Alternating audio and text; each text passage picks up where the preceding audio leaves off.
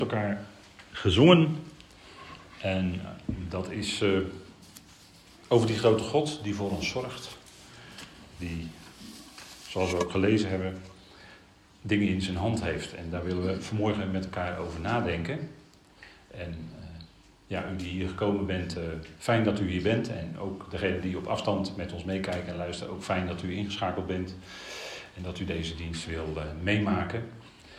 We gaan nadenken over het geloof van. En uh, ja, dat is inmiddels een klein beetje een serie aan het worden. We gaan eerst met elkaar het aangezicht van de Heer zoeken en daarna met elkaar nadenken over de tekst. Vader, we danken u dat we op dit moment zo bij elkaar mogen zijn met het woord van u. We danken u dat u ons toedeelt in uw genade, in uw liefde dat u door de jaren heen ons vasthoudt en draagt. Dat u ons bemoedigt en aanspreekt en mag dat het ook vanmorgen zijn, Vader. Wilt u leiden door uw geest in de waarheid van uw woord. Dat het in ons hart mag landen en tot bemoediging mag zijn. Tot opbouw van het lichaam van Christus, van ons geloof. En mag bovenal zijn, Heer, dat het is tot eer van u. We danken u, Heer, dat we troost en bemoediging hebben uit oude profeten, lang geleden opgeschreven, maar nog heel erg actueel. Vader, daar dank u voor, voor wat u wil geven op dit moment in uw genade, in de naam van uw geliefde Zoon, onze Heer Christus Jezus. Amen. Ja, het geloof van. En we hebben een stukje gelezen uit Daniel. Het geloof van Daniel, daar wil ik vanmorgen met u over nadenken. Wat, uh, net zoals we uh, een aantal weken geleden met Jozef, het geloof van Jozef bezig waren, wat, uh, wat, wat highlights hebben gezet, zou ik dat ook vanmorgen met u willen doen bij deze profeet Daniel.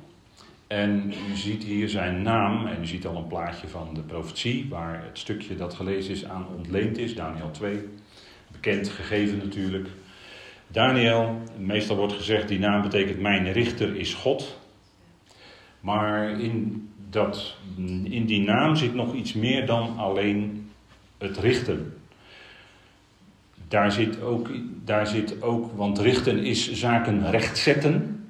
Zaken rechtzetten. En als we om ons heen kijken in de wereld van vandaag, dan zegt u, nou, nou, er moet heel wat rechtgezet worden. Nou, dat gaat ook gebeuren. En dat gaat de Messias Jezus ook doen. Dat is een kwestie van tijd. Maar daar zit nog meer in, daar meer dan alleen eh, richten en rechtzetten. Het heeft ook te maken met toewijzen of toedelen. Dat alles weer rechtgezet wordt, maar dat alles ook daardoor um, ja, op zijn plek terechtkomt en het goed is. Dus het is meer. Daniel. En als je kijkt in commentaren, maar daar ga ik u allemaal niet mee vermoeien natuurlijk, maar dan, dan wordt er nog wel eens getwijfeld aan Daniel, is dat nou wel echt een profeet? Maar ik denk dat we dan eigenlijk heel kort door de bocht kunnen gaan. Want als we kijken, als de Heer Jezus spreekt uit de profeet Daniel, ik zeg het al, dan zegt hij, waarvan gesproken is, als jullie zien staan, Israël, de gruwel van de verwoesting die opgericht zal worden in, op de heilige plaats. Dan zegt hij waarvan gesproken is door Daniel, de profeet. En als de Heer Jezus dat zegt, dan zijn we klaar. Dan is hij dus profeet, Daniel. dat is geen, uh, geen probleem, denk ik. Dus daar kunnen we snel verder langs. En zoals bij Jozef een aantal weken geleden ook even aangestipt, zijn er eigenlijk drie in de schrift waarvan je zou kunnen zeggen dat zijn hele bijzondere mensen van God. Die in hun leven een hele bijzonder iets deden en ontvingen van God eigenlijk. God zette ze op een hele speciale manier in. En dat zijn Jozef, Daniel en Paulus. En als het gaat om het woord van God, de onthullingen van God, wat, wat zo kostbaar is, dus het kostbaarste bezit wat we hebben, dan, en aan zijn volk, die werden allereerst aan Israël gegeven. Paulus zegt dat hè, in de Romeinenbrief. Wat is het voordeel van de Jood en wat is de nut van de besnijdenis? En dan zegt hij allereerst dat aan hen, aan Israël, de woorden van God zijn toevertrouwd. En die profeten die, ja, dat Jozef was in feite ook een profeet in zijn leven. En Daniel, en je zou kunnen zeggen, Jozef staat dan aan het begin van Gods onthullingen. Genesis, hè, begin van de openbaring, de wording, geschiedenis, de schepping. Het begin, het begin van alle lijnen in de schrift. Genesis is een ongelooflijk belangrijk boek. En dan Daniel zou je kunnen zeggen is in het midden van Gods onthullingen, als je het in de tijd rekent, wil uitzetten. En Paulus aan het eind.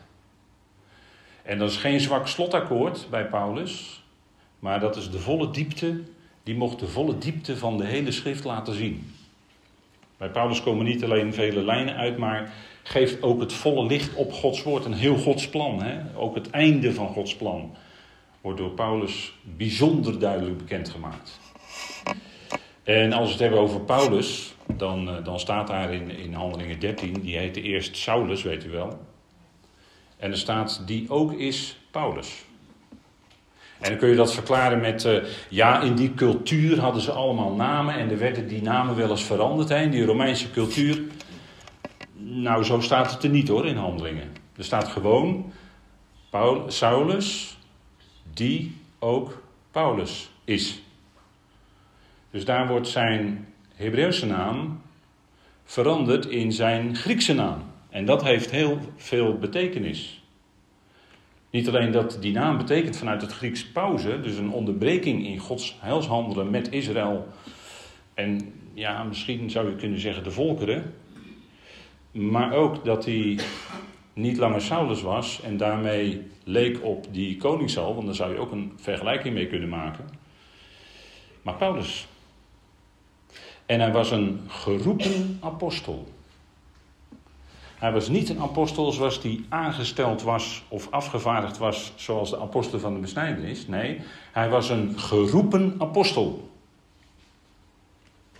Laat die even tot u doordringen. Een geroepen apostel, dat is iets anders dan de twaalf. Duidelijk anders.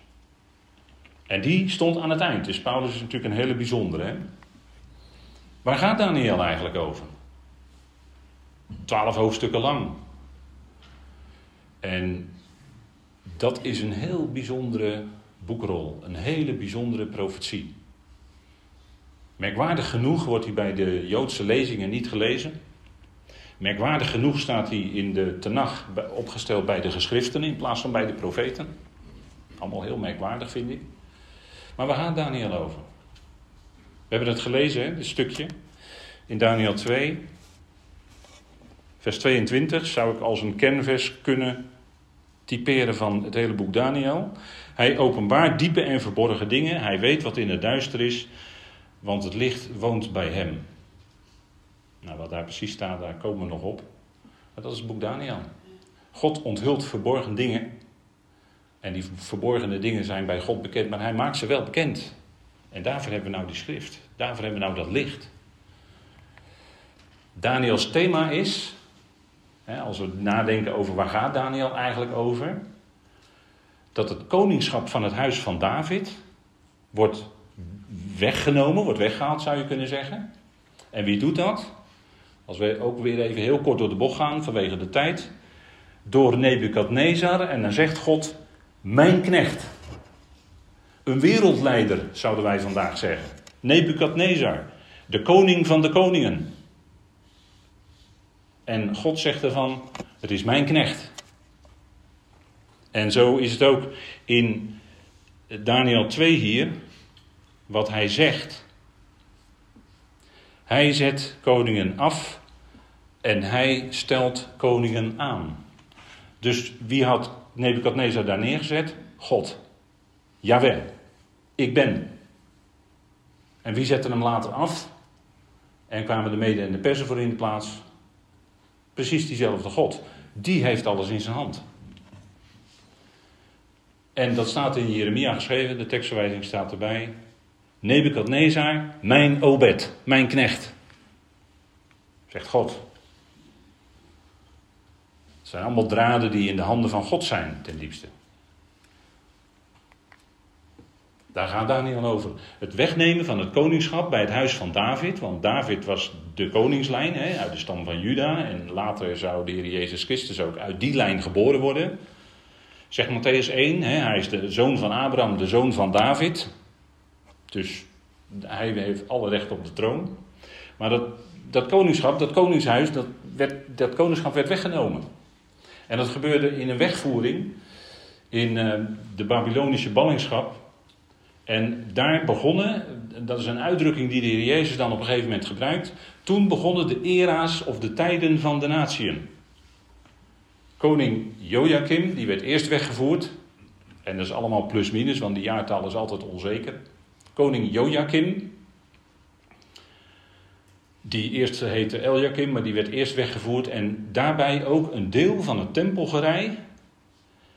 En daarin zien we dat in profetie, in Daniel, maar ook in openbaring, zie je duidelijk twee lijnen. Dat het gaat in de profetie om de religie en om het koningschap. Dus vandaag zouden we zeggen, het gaat om politiek en godsdienst. Dat tempelgerij wijst op het religieuze aspect. En de koning die weggevoerd wordt, wijst op het politieke aspect. En zowel de politieke heerschappij als de religieuze, als het religieuze herstel, of het godsdienstige herstel van Israël, zal komen door de zoon van David, de Heer Jezus Christus, die zijn opwachting al bijna maakt, zou je kunnen zeggen. En binnenkort dat zal gaan doen. Als tweede, in de tweede fase van wegvoering, was koning Joachim, die van het tweestammenrijk Juda en Benjamin, want de tien stammen waren al veel eerder weggevoerd in ballingschap. Dat was de tweede fase, koning Joachim, ook een koning van Juda, en geïnstalleerd werd toen door de Babyloniërs koning Zedekia, of Zedekia, hoe moet je het zeggen. En die heet eerst Matanja, en die werd uiteindelijk ook weggevoerd in zo'n zes eeuwen voor Christus. U kunt het allemaal nalezen, tekstverwijzingen staan erbij. Dan kun je zeggen, ja, toen begonnen de tijden van de natieën, de era's van de natieën. Hè, toen Nebukadnezar voor het eerst daar voor de poorten van Jeruzalem kwam. En wanneer eindigen die nou eigenlijk, die tijden van de natieën? Nou, daar zijn we dichtbij. Daar zijn we dichtbij. Kijk, de Heer Jezus die zei daar iets over. En daarbij dacht hij aan de profeet Daniel, die die natuurlijk goed bestudeerd had. Zij zullen vallen, dat gaat over Israël, zij zullen vallen door de scherpte van het zwaard. En in de gevangenschap weggevoerd worden onder alle natieën. Dat is waar Daniel mede over gaat. Hè. Daniel was een balling in Babylon. En Jeruzalem zal door de natieën vertrapt worden. Totdat de, de era's van de natieën vervuld zijn. En de Heer Jezus zegt dan in dat stukje heel specifiek in Lucas 21 dat en dan springen we even een paar versen verder dan het 24e vers. En dan zullen zij, dat is Israël en de volkeren, vooral Israël dan, hè, zullen zij de zoon des mensen zien komen in een wolk met grote kracht en heerlijkheid. Dat is het einde van de era's van de natie, van de tijden van de natie. Tot zo lang zal Jeruzalem vertrapt worden. Men zei, als we even teruggaan in de geschiedenis, men zei in 1917, toen generaal Allenby namens de geallieerden uh, Jeruzalem veroverde, toen zei men: Dit is het einde van de eras van de natie. Uh -uh. Dat was het niet hoor. Kijk, de Ottomanen werden daar wel verdreven door Allenby, maar uh, we leven nu ruim 100 jaar verder en Jeruzalem wordt nog steeds vertreden. Het is nog steeds niet een, heil, een echt heilige plaats. de, de, een grote religie noemt Jeruzalem al-Quds, de heilige plaats. Maar het is nog steeds niet. Hè, daar staat nog een heiligdom, u weet wel, die gouden koepel. Hè. Dit is dan een plaatje van, van de, de oude stad, hè, de muur van de oude stad. Zoals die later uh, is opgericht na verwoestingen. Maar er staat nog steeds andere dingen dan die er volgens de schrift zullen gaan staan. Zal nog allemaal door aardbeving verwoest worden. Maar als zij de zoon des mensen zien komen in een wolk met grote kracht en heerlijkheid, dan is het het einde van de era's van de natie. Tot dan toe zal Jeruzalem vertrapt en vertreden worden. Dat is precies het einde van de grote verdrukking voor Israël. Precies het einde van 1260 dagen, of tijd, tijden en een halve tijd. Dat is heel specifiek in de schrift. En dan zal hij komen, dat is het einde. Daar gaat het naartoe voor Israël. gaan we terug naar Daniel. Daniel hoorde bij de edelen en de aanzienlijken van Juda en werd weggevoerd naar ballingschap in Babel. Naar ballingschap. Gevolg, waar was dat het gevolg van? Het stond in de wet. Het stond in Deuteronomium, geprofiteerd in feite, omdat zij de Torah, de onderwijzing of de wet overtraden. Daarom gingen zij in ballingschap. En dat is wat de Heer gezegd had via Mozes tegen het volk. Als jullie je houden aan mijn Torah, zegen, zul je het goed hebben. Doe je het niet, krijg je de vloek. Krijg je de vervloeking. En dat geldt ook voor andere volkeren. Zij hielden zich niet aan de Torah en Deuteronomium zegt, dat stukje wat hier staat, kunt u nalezen. Daar staat, als jullie dat niet doen, zullen jullie weggevoerd worden in ballingschap. Is duidelijk voorzegd. En het gebeurde. Wat, wat dacht u wat? God had het gezegd. En ze overtraden zijn wet. Met name het eerste. De eerste was: Je zult geen andere goden voor mijn aangezicht hebben. En wat deden ze wel? Ze deden het wel. Ze richtten de hoogten op. Er waren notabene twee gouden kalveren in het noordelijke tienstammenrijk. één in Dan en één in Bethel. Op grond daarvan werden de tien stammen weggevoerd. Overtreden mijn wet. En het land van de Heer is zijn huis. En hij had gezegd: Als jullie niet houden aan mijn huisregels, eruit. En dat deed de Heer ook. Ze gingen in ballingschap weggevoerd, eerst door de Assyriërs. Later kwam daar een machtswisseling en kreeg Babel de overhand over de Assyriërs. En de twee stammen werden later weggevoerd in ballingschap om dezelfde reden. Ze hadden niks geleerd van, kennelijk van het voorbeeld van de tien stammen. Ze overtraden de Torah, de onderwijzing, en er bracht vloek, er bracht uiteindelijk ballingschap. Maar er was ook voorzegd, en Gods woord is altijd het woord van verwachting. Want wij, hebben, wij, wij, wij raadplegen de schriften, opdat wij door wat de schriften ons duidelijk maken, die vaste heerlijke verwachting zouden hebben. Dat geldt niet alleen Israël, maar dat geldt natuurlijk ook ons. Maar Israël, tegen Israël was gezegd: Jullie zullen in ballingschap gaan, maar jullie zullen ook terugkeren. Was ook in Deuteronomium al voorzegd. En dat de profeten dat later herhalen, ja, dat is herhaling. En dat hebben wij als mensen heel hard nodig. Herhaling, herhaling. Steeds weer dat woord horen. En dat is niet tot vervelens toe. Dat is opdat je geloof gebouwd wordt. Opdat je door de vaste verwachting die de schriften je geven in je hart. ook vast kunt leven in je leven elke dag. Dat je vaste grond onder de voeten hebt. Gods woord verdrijft angsten uit je hart. Want je leert God kennen die liefde is. En die je omringt. Die voor je zorgt. Die altijd heel dicht nabij is. En was het niet de apostel Johannes die zegt in de Johannesbrief dat die liefde, die, die goddelijke liefde, die agape, dat, dat verdrijft angst en vrees uit je hart. En dat wens ik u toe, als u last hebt van angst. En ieder mens heeft ze op zijn tijd. U, jij, ik, we hebben allemaal. Dus we hebben allemaal die liefde van God nodig. We hebben dat woord nodig, dat ons toekomst geeft. En dat was ook voorzegd dus tegen Israël. Niet alleen in ballingschap, want Daniel raadpleegde de schriften van Jeremia en hij wist op een gegeven moment in Daniel 9 dat die 70 jaar ballingschap voorbij waren. Kijk, God houdt de zaken goed bij, want ze moesten 70 jaar in ballingschap. Ze hadden 490 jaar lang geen, geen sabbatjaar gehouden. Dus God zegt eruit 70 jaar sabbat voor het land, 70 jaar rust. Daniel. Kijk, een overeenkomst. En tussendoor stip ik even met u wat dingen aan overeenkomsten tussen Daniel, Jozef en Paulus. En bij alle drie kun je zeggen dat ze verdreven werden door hun broeders notabene. Dan zou je zeggen, hoe is het mogelijk dat je verdreven kan worden door broeders? Hoe is het mogelijk? Zou je zeggen, hè? Uit het beloofde land. Vijandschap bracht de Heer aan het kruis. En van wie kwam die vijandschap? Van zijn eigen broeders naar het vlees. Dat is wat. Dat is wat. En dat ze daar de Romeinen voor gebruikten, ja, oké. Ja, oké, eigenlijk niet oké natuurlijk. Hè? Het was vijandschap.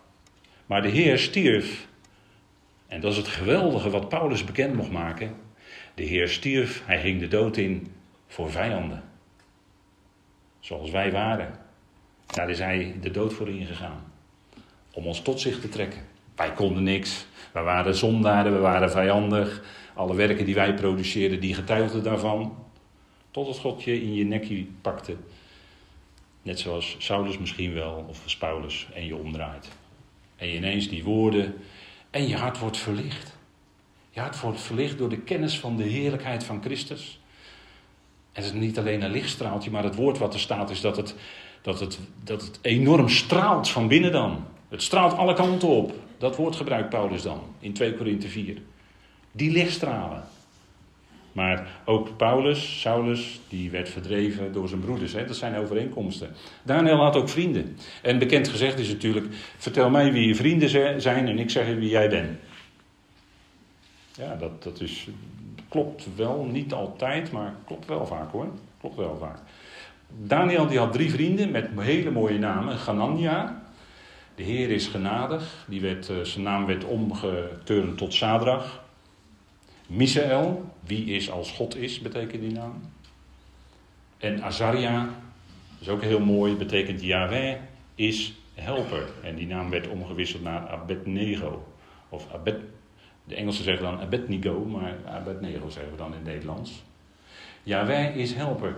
Dat moet u niet misverstaan dat hij uw ezer is. Dat moet u niet misverstaan hoor. Want veel gelovigen denken soms of gelovigen denken soms, laat ik het voorzichtig zeggen. Gelovigen denken soms, ik moet 80% doen. En als ik nou 80% doe, is de Heer mijn helper, die doet dan die resterende 20%. Nou, forget it. De helper betekent dat hij alles doet.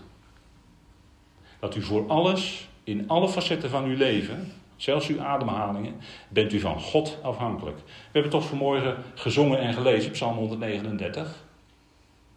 Is toch duidelijk? Is toch duidelijke taal?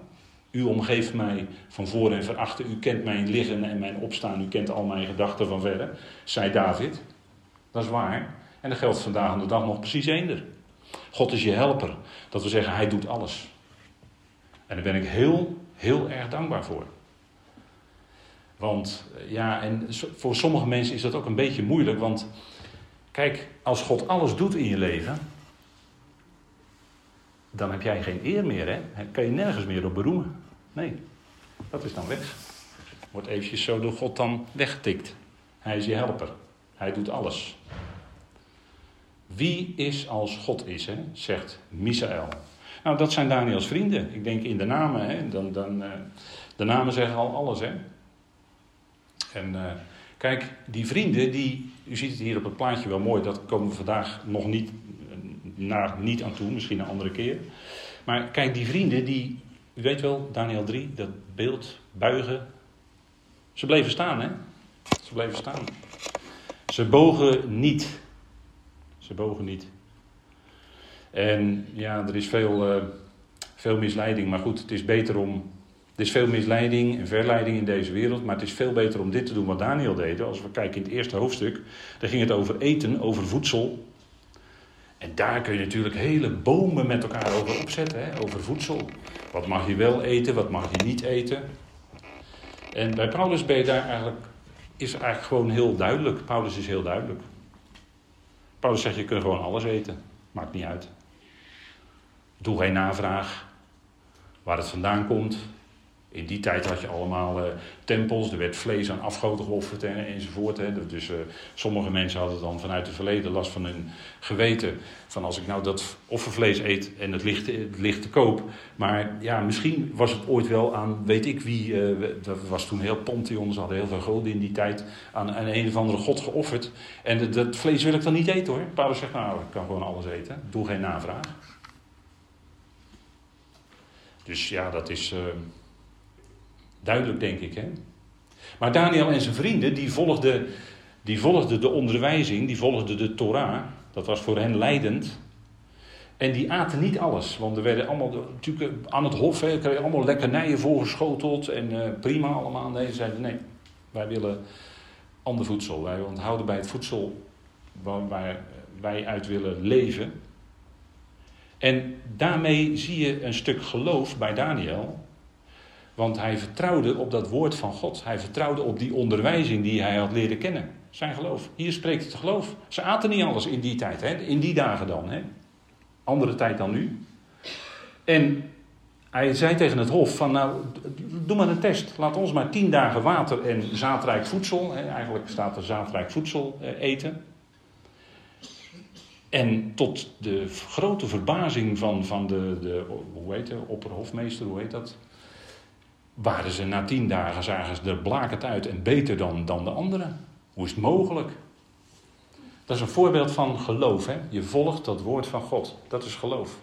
Het volgen van het woord van God. Niet het volgen van je eigen conclusies, niet het volgen van je eigen redeneringen, maar het volgen van wat er werkelijk wel staat geschreven. Wat er echt staat, daar de vinger bij leggen. Kijk, dat staat er en dat volgen wij. Of dat volgen wij als gelovigen graag. Daar vertrouwen wij op. En dat geeft een diepe rust, vrede en zekerheid in je hart. Dat vertrouwen, dat geloof. Dat is wat, ook dat is wat God je geeft. Heb je ook niet van jezelf. En, maar dat is wel iets wat in je hart gaat, gaat, gaat landen. En wat dan rust en zekerheid en vrede geeft te midden van een chaotische wereld. Want alles gaat zo'n beetje op zijn kop. Is al op zijn kop gezet en het gaat, gaat maar door, het gaat maar door. En wat kunnen wij dan als beste doen? In rust en vertrouwen dat woord van God volgen, dat is geloof. En Daniel en zijn vrienden werden gezegend. Ze zagen er blakend uit na tien dagen. En natuurlijk, de beelden zitten erin. Hè. Tien is in de schrift eh, iets wat met woord te maken heeft. Tien, hè, in tien woorden. Uh, zaaien. Zaaien. Zaad wordt vergeleken met het woord van God in de schrift. Kijk maar naar de Heer Jezus, die vertelde gelijkenissen. Een zaaier ging uit om te zaaien. En dan blijkt dat zaad blijkt het woord te zijn. En werd en ze werden daardoor gezegend. En water, ze leefden op water, is in de schrift ook een beeld van het woord van God. Dus alles spreekt van blijf bij dat woord. Gelooft de schriften. Je moet niet geloven wat mensen allemaal zeggen. Maar geloof de schriften, wat daar staat, daar kun je op varen. Want we leven in de tijd, en ook Daniel, Jozef en Paulus leefden te midden van afnemend geloof. Dat is ook zo'n overeenkomst. En grote afval van God in hun dagen. En vandaag is het niet anders. Vandaag is het niet anders. Dus als je dat woord kent, dan zouden we goed opletten. Want de geest nu zegt uitdrukkelijk, zegt Paulus in 1 Timotheus 4, dat in latere era's, en hoe later in de tijd, hoe sterker dit gaat gelden. En, en uh, dat woord nadrukkelijk, dat, dat wil zeggen, de geest maakt dat expliciet duidelijk aan alle kanten. Het komt aan alle kanten het, het gutst als het ware naar je toe. De geest zegt uitdrukkelijk dat in latere era's sommigen afstand zullen nemen van het geloof. En bij dat woord sommigen, ja, dat is een beetje moeilijk. Eh, het is een beetje een onbepaald woord wat er staat. Dus het kunnen er ook wel best heel wat meer zijn dan sommigen. En, en als je zo soms om je heen kijkt, dan denk je wel eens van, zijn het wel sommigen of zijn het misschien wel heel wat? die nemen afstand van het geloof. In de vertaling staat meestal afvallen, maar er staat eigenlijk afstand nemen. Dus je, je, je staat in geloof en dat doe je zo. Je stapt zo opzij en daar is dan je geloof. Maar jij staat hier. Dat is, dat is wat, wat Paulus hier zegt. Afstand nemen van het geloof. Om, en wat doen zij dan, die gelovigen? Zij geven acht op dwalende geesten hebben vertaald met misleidende geesten, maar goed, eh, als je dwaalt, dan ben je ook misleid, hè? En onderwijzingen van demonen notabene. En zoals Paulus het hier schrijft, is het niet zo dat die misleidende geesten en die demonen naar gelovigen toekomen. Maar die gelovigen maken een beweging naar die misleidende geesten en die demonen toe. En daarom komen ze in de problemen. En gaat hun geloofsgebreuk leiden. Afgelopen week discussie in de christelijke pers, yoga. Er was een Graceland, de naam is prachtig.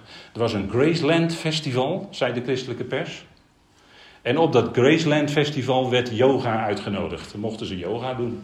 Als, als ontspanningsoefening wordt het dan verkocht. Hè? Maar u, u hoort het, ik zeg het in het kader van 1 Timotheus 4. Hè? is geen zuivere koffie hoor, yoga. Geen zuivere koffie. Dan kom je terecht bij leringen van demonen. En wat is een hele belangrijke lering van demonen? Is dat dood niet echt dood is. Maar dat er een voortdurend bewust voortbestaan is. Dat er een onsterfelijkheid is van de ziel. Dat zijn leringen van demonen. En je hebt een goede kans dat als je yoga gaat doen, dat je daar terechtkomt. Maar dat is ook zo met de schrift. De tegenstander is erin geslaagd om, om, om te misleiden, om mensen te laten denken. En, en uh, iemand noemde vlak voor de dienst al een heel flagrant voorbeeld over de hel. Maar om de mensen te laten denken dat als iemand ongelovig sterft, dat hij voor eeuwig naar de hel gaat. Daar, dat, is een, dat is een succesnummer geworden hoor, van de tegenstander, van demonen. Staat niet in de schrift. Maar men gelooft het wel. Helaas, helaas. Met groot verdriet. Mensen haken daarom af van geloof. Mensen zien het instituut waar ze misschien bij hoorden, of de groep waar ze bij hoorden, voor de rest van hun leven verwijzen ze naar eh, het rijk van de fabelen of willen daar niks meer mee te maken hebben. Juist hierom. En het staat niet in de schrift. En we leven in die latere era's, vandaar dit ernstige woord van Paulus. Daar zouden we, hier zouden we ook acht op slaan, hè, op wat hier staat. Blijf dicht bij die schrift. Wat je geleerd en overgeleverd is via Paulus, blijf daarbij. We gaan terug naar Daniel. En Daniel leefde ook in een tijd van afval van geloof. Want ja, ze gingen in ballingschap omdat ze zich niet houden aan Torah. Aan de wet, aan de onderwijzing. Daarom gingen ze in ballingschap. Ze weken af van wat God gezegd had. Nebukadnezar droomt. En dat hebben we gelezen met elkaar. Hij droomt van een, eh, het is heel bekend, hè? hij droomt van een groot beeld. En dan komt er een steen en die verpulvert, staat er dan. Hè? Verpulvert, helemaal te, wordt helemaal versplinterd in kleine stukjes. Dat woord wordt gebruikt. En dat, en die steen, daar gaat het natuurlijk om. Die steen is natuurlijk een beeld van Christus, ja, van het koninkrijk van Christus. Maar allereerst van Christus zelf. In de schrift altijd de steenrots die met hen meeging door de wildernis, zegt Paulus in 1 Corinthië 10, was toch de Christus? De steenrots was de Christus, zegt Paulus toch? Daniel als gelovige bidt tot Yahweh. En ja, gebed. Zegt ja, gebed. Heb ik het wel eens moeilijk mee. Uh, je hoort nog, soms hoor je wel eens, ja, jaren terug hoorde je wel eens. Ja, nou, uh, kijk, als alles nou Gods plan is, dan hoef je eigenlijk niet te bidden. Maar dat is een enorme misvatting. Dat is een enorme misvatting. En het boek Daniel getuigt daarvan. Daniel bad. En dat gebed bij Daniel was ook door God gewerkt, want God wil ook gebeden zijn. God is een God die relatie met ons aangaat, wil, heeft, als het goed is.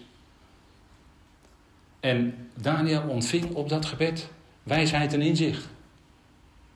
Gebed. Ontzettend belangrijk. er is natuurlijk wel in de loop van de tijden veel gezegd over gebed, maar het is de levensadem van de gelovigen. Als je niet meer bidt, dan gaat er toch iets bij je anders worden. Dan ga je toch anders rekenen op een of andere manier. Daarop vertrok Daniel naar zijn huis en liet de zaak aan zijn vrienden Ganania, Misael en Azaria weten. Nebukadnezar had gedroomd en hij vroeg aan de wijzen, waartoe Daniel ook behoorde, vroeg hij om de droom te vertellen en de uitleg. En niemand kon dat. En dat was op straffen van de dood. Ze zouden, ja, het ging daar nogal heftig. Ze zouden dan in stukken gehouden worden. Ja, sorry, maar dat staat er. Dat, dat, dat liet Nebuchadnezzar dan doen. Hè. Dat was nogal heftig. En Daniel bad, wat ging hij doen? Opdat zij het aangezicht van de God van de hemelen zouden zoeken om barmhartigheid te verkrijgen met betrekking tot deze verborgenheid, zodat Daniel en zijn vrienden niet met de rest van de wijze van Babel zouden doen omkomen. Daniel ging bidden. Vader, ik weet niet hoe het zit. Heere God, ik weet niet hoe het zit. Maar ik roep uw aangezicht aan. En dat kunnen wij ook. Ik weet niet hoe het zit. Maak mij uw woord bekend. Ik wil weten. En dan is het waar wat de Heer Jezus in Matthäus 7 zegt. Bid en u zal gegeven worden. Klopt en u zal opengedaan worden. Zoekt en je zult vinden. Ja, zoeken, voor ons is dat zoeken in de schriften. En je zult vinden. Bid en u zal gegeven worden. Is dat niet enorm waar in het leven van Daniel als gelovige? Dat hij, die zo worstelde met, met, met de toestand van zijn volk, hij was zelf in ballingschap. En in Daniel 6 kwam hij daardoor in de leeuwenkuil, omdat hij bleef bidden. U weet wel, met die open vensters naar Jeruzalem. Hij bleef bidden, maar hij mocht het niet meer doen. En daarom kwam hij in de leeuwenkuil terecht, bene.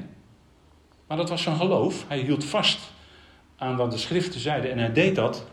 En, en daardoor, door zijn geloof, kwam die enorme druk, zelfs in, in doodsgevaar. En dat, daar, daar, kan, daar kan Paulus ook van getuigen. En Jozef, die werd in de put gegooid. En in Daniel 9, wij focussen altijd heel erg op die 70 jaarweken, maar daaraan vooraf gaat een heel lang gebed. En dat, gemakshalve lezen we dat dan niet, hè? Ik zou er zeggen, juist wel lezen en doen. En dan ook die 70 jaarweken, ja. Maar het is een heel lang gebed. Gaat vooraf aan de ontvangst van die 70 jaarweken. En zien we daar niet het principe wat de Heer later duidelijk neerlegt, wat, wat de schriftuurlijk tot en met is. Bid en u zal gegeven worden. Je kan het ook natuurlijk negatief zeggen als je niet bidt. Ja. Wat geloofde Daniel? Wat was nou dat geloof van Daniel? Want daar hebben we het vanmorgen met elkaar over. En dat, dat is het stukje dat we ook gelezen hebben met elkaar. Daniel antwoordde en zei, en toen had hij dus die onthulling van God mogen ontvangen. Over wat Nebukadnezar gedroomd had en de betekenis ervan. En toen sprak Daniel. Hij antwoordde en zei: Gezegend de naam van hem die Eloa is. Ja, we zitten altijd hopeloos, vind ik een beetje, met dat woord God in de Bijbel. Want het woord God, ja, wat zegt dat? Dat, dat, je, dat, dat vullen mensen tegenwoordig op allerlei manieren voor zichzelf in. En vorige week eh, zei André Piet daar iets heel duidelijks over. En uh, ja, goed, ik hoef dat niet te herhalen, want uh, dat, is, dat was erg duidelijk. Gezegend de naam van hem die Eloah is, vanaf de eon tot aan de eon, of vanaf uh, ja, le tot aan le olam, dat zijn de Hebreeuwse woorden. Hè? Want van hem is de wijsheid en de kracht. En, en dat is dus vanaf de olam, vanaf de olam, vanaf de tijden, dat de tijden van de natieën begonnen, tot aan de eon, dat is de toekomende eon van het koninkrijk. Gezegend is zijn naam.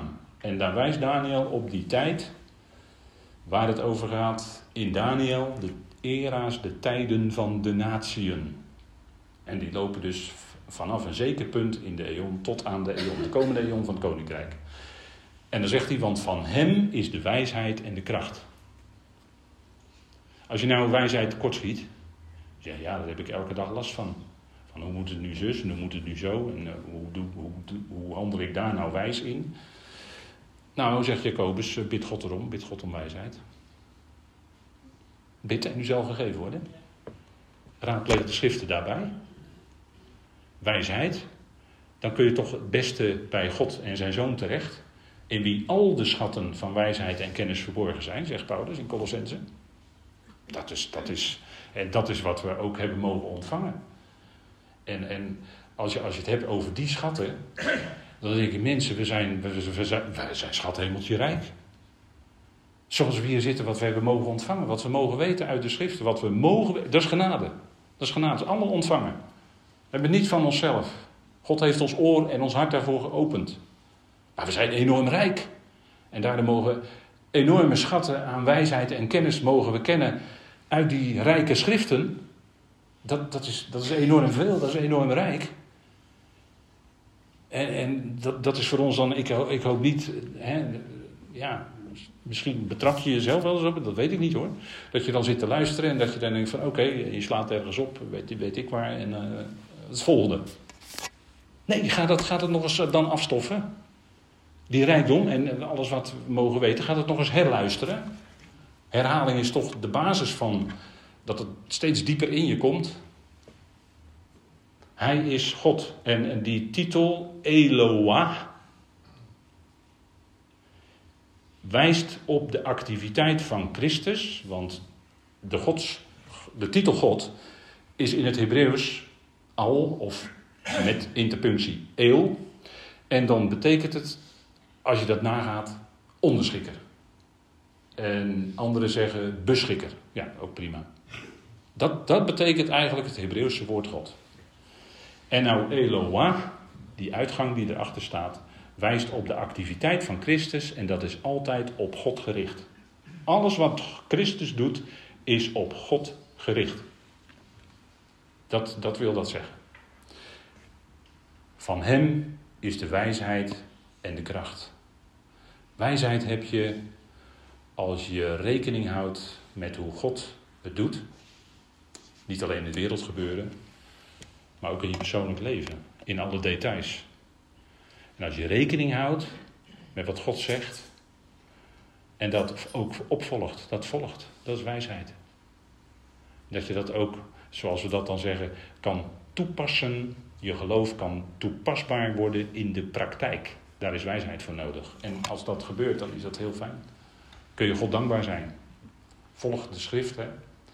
En wat zegt Daniel nog meer? Hij verandert de era's en de tijdstippen. En in de periode van de tijden van de natieën, en ik heb even hier een detail van de kalender van God. Ken u, ken u hem nog, de kalender van God? Ken hem nog? Daar heb ik een detail even uitgelegd voor u. En daar is een aantal, wat we dan noemen, periodes van beheer of administraties, waarin God zaken op een bepaalde manier doet, zou je kunnen zeggen, en inricht. Een soort huishouding. In die periode waar Daniel over bidt, wat hij noemt in zijn, hier in zijn spreken, daarin zitten maar liefst vijf te onderscheiden periodes van beheer. En die heb ik hier voor u eventjes uitgelicht. Even, of uitgelicht kan ook zeggen inzoomen. Hè, dat, uh, hij verandert de era's en de tijdstippen. Eerst was er een era, daar zijn we in de Efezebrief net mee bezig geweest, vorig seizoen. Eerst was er een era waarin, naar het vlees gerekend, het volk Israël nog boven de natie stond. En dat liep zelfs tot inhandelingen aan toe, tot ver inhandelingen aan toe.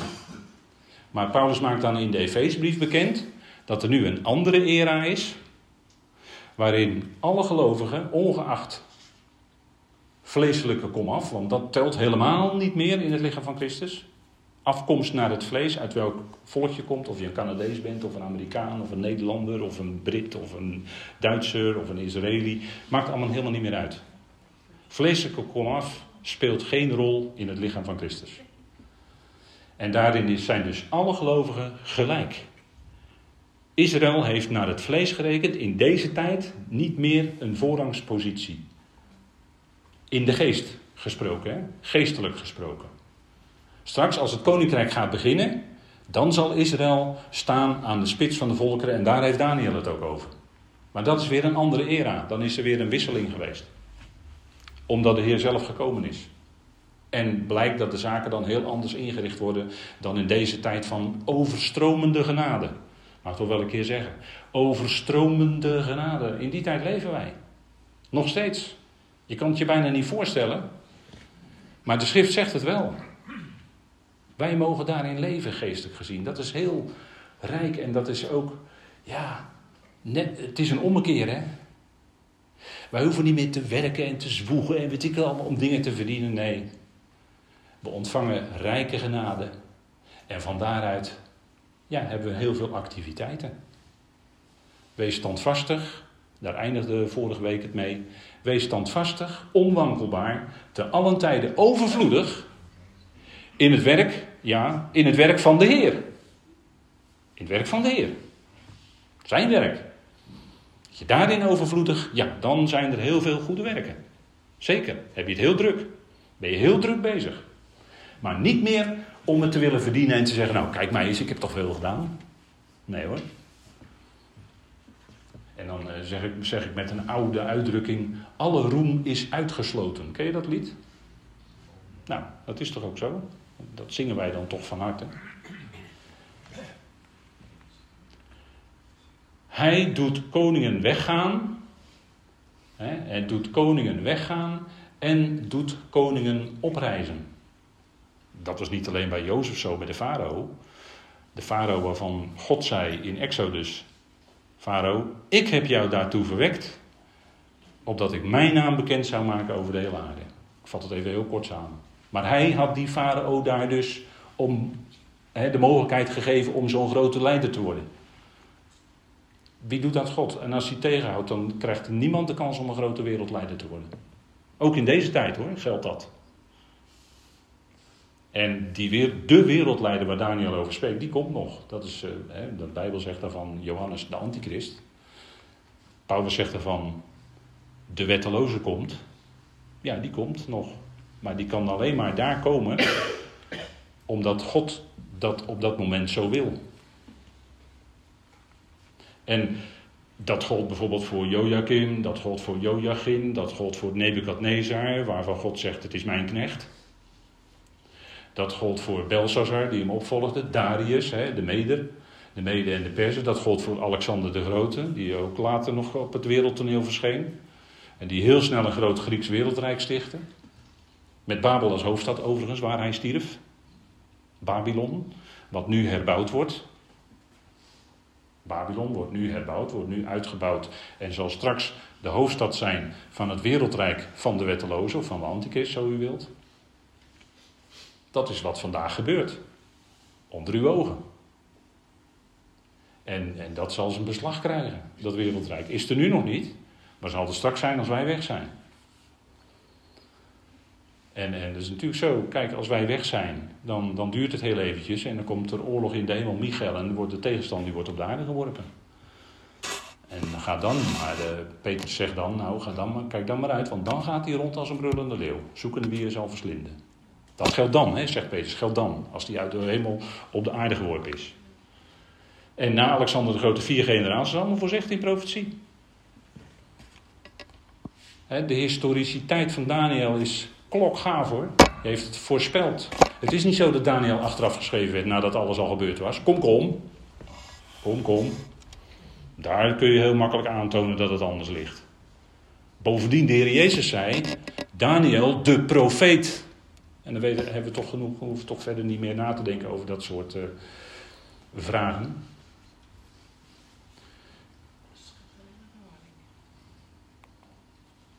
geeft wijsheid, hij geeft wijsheid aan de wijzen en kennis aan wie verstand hebben. Wil je werkelijk wijs zijn, volg dan wat God in zijn woord zegt. Dan ben je een wijs mens. Doe je het niet, dan ben je eigenwijs. Ook zeggen natuurlijk. Hè? Dat, is, dat, is, net weer het andere. dat is ons Nederlanders wel uh, ingeboord. Ze zeggen wel eens van Joodse, zeggen Joodse mensen onder elkaar van zichzelf. Hè? Als je twee Joden hebt, dan zijn er drie meningen. En ik denk soms dat bij Nederlanders dat ook zo is. En ja, kennis en verstand en. Ja, we gaan het nog niet nu over waarheid hebben. Maar de waarheid is Gods woord. Dat is ook simpel. Die kan je ook makkelijk inkoppen.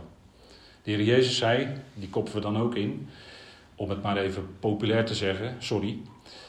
De Jezus zei, uw woord is de waarheid. Dan weten we toch genoeg. Geeft de kennis aan de wijzen en kennis aan wie verstand hebben. En hij openbaart diepe verborgen dingen, wetend wat in de duisternis is. En de stroom staat er letterlijk. En dat is dan, kun je toevoegen van licht, maar dat staat niet letterlijk in het Hebreeuws daar. Lost ze op.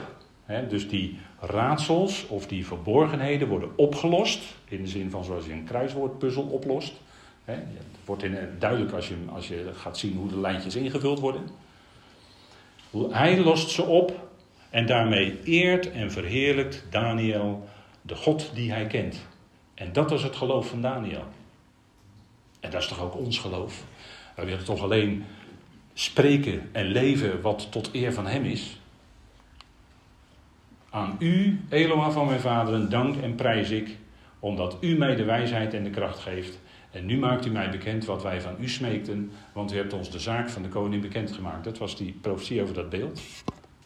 En Daniel looft en prijst die God, de God van Israël, die hij kende en die hem bekend maakte wat verborgen was. En dat had te maken met dat beeld. We zien hoe Daniel handelt in geloof. Hij ging in gebed, hij vroeg Yahweh om uitsluitsel, hij kreeg antwoord. Dat is wat je als gelovige doet in de praktijk. En Daniel kreeg bijzondere wijsheid om de droom van Nebukadnezar niet alleen te vertellen, maar ook te verklaren. Net als Jozef bij de farao. Ziet u weer de overeenkomst? Ik zou bijna willen zeggen, net als de apostel Paulus, want die mocht ook geheimenissen bekendmaken. Heel bijzonder. En dat gouden hoofd, dat bleek te zijn Nebukadnezar zelf. De zilveren borstkas en armen, het koninkrijk van de Mede en de Perzen. De koperen buik en dijen Griekenland onder Alexander de Grote. En de ijzeren voeten, tenen van klei, dat is het eindwereldrijk. Wat deels heel hard zijn, daar wijst, wat deels heel hard is, daar wijst het ijzer op. En deels ook zwak. Want het gaat gepaard met weelde, rijkdom. Maar weet wat rijkdom kan doen. Dat kan zomaar vleugeltjes krijgen, zegt de spreukenschrijver, en het is weg. Kan zomaar tussen je voeten door, net als zand, of tussen je vingers door wegglippen, die rijkdom. Nou, dat zal ook met het laatste wereldrijk gebeuren. Dat zal zich kenmerken door een enorme militaire hardheid. En het zal geleid worden door enorme weelde en rijkdom. Dat is wat openbaring dan verder veel duidelijker nog maakt. En dat eindwereldrijk, dat is al lang voorbereid en het gaat binnenkort zijn beslag krijgen. IJzeren voeten, tenen van klei. Dat is wat Daniel dan bekend mocht maken. Zij waren representanten, en dan gaan we eindigen. Zij waren representanten van de ware God en zijn volk bij heidense hofhoudingen. Nog zo'n overeenkomst, hè? Tussen Jozef, Daniel en Paulus. En, en ik, ik stip ze er tussendoor, en dit komt van Vladimir Gelesnov, een bijzondere uitlegger uit de begintijd van uh, de, zeg maar de Unsearchable Riches. Die, die heeft dat zo eventjes, op één bladzijtje legt hij dat zo even neer. Geweldig, want dat getuigt van enorme diepe schriftkennis. En het gaat niet om een persoon op een voetstuk te zetten, want dat is het laatste wat hij wel zou, gewild zou hebben. Maar hij verklaarde wel de schriften. En mensen gingen luisteren. Als die ging spreken, gingen die luisteren. Want de schrift, de schrift kwam naar voren. Dat, dat is heel bijzonder.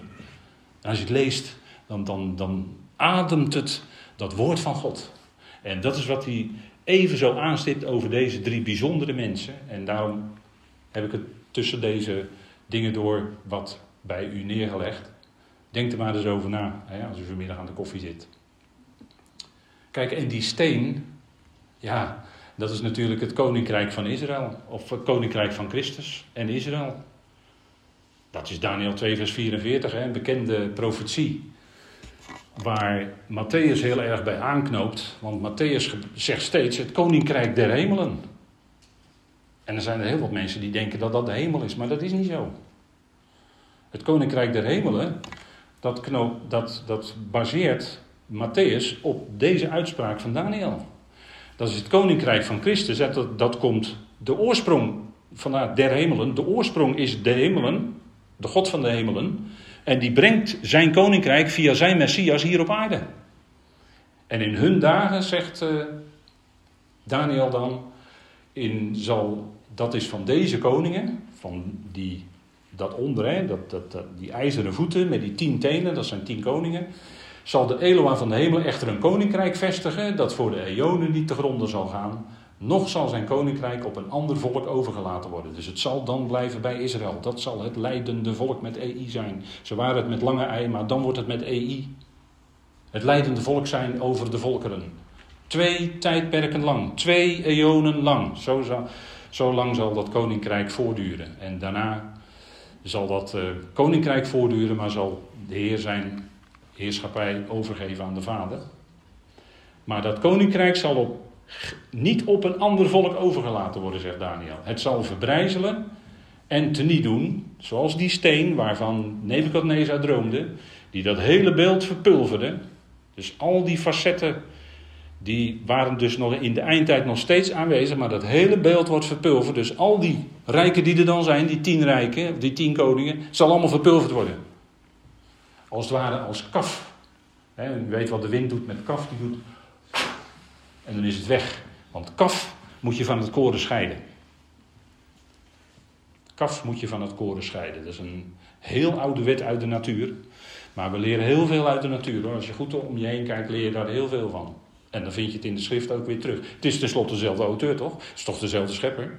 Hij die de natuur geschapen heeft, deze hele aarde en hemelen, is toch ook degene die die hele schrift tot stand gebracht heeft, geschapen heeft? Dat is toch dezelfde?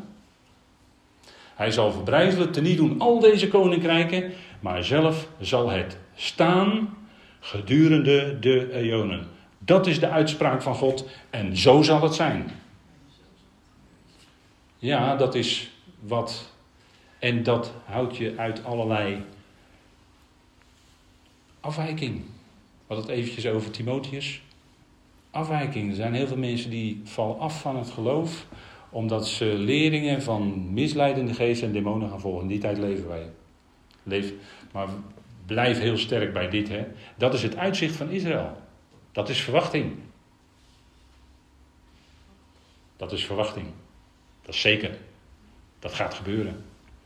En daar kan Israël naar uitkijken vol blijdschap. En wij kijken ook vol blijdschap uit naar Christus Jezus. Bij de bazuin. Want die zal voordat al die dingen losgaan, de grote verdrukking, ja, zijn wij weg. Dat is geen uh, zelfbedachte ontsnappingsclausule of zoiets. Maar dat is wat de schrift zegt. Wat de schrift duidelijk maakt.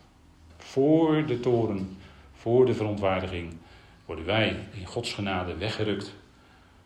En zal ons die enorme verdrukking bespaard blijven. Waarom? Waaraan hebben we het verdiend? Nou, nergens aan. Het is genade. En dat is wat de Heer gaat doen. Daar kijken wij ook naar uit. Dat is onze heerlijke verwachting. En dan hebben wij een unieke bediening. Heerlijk. Amen.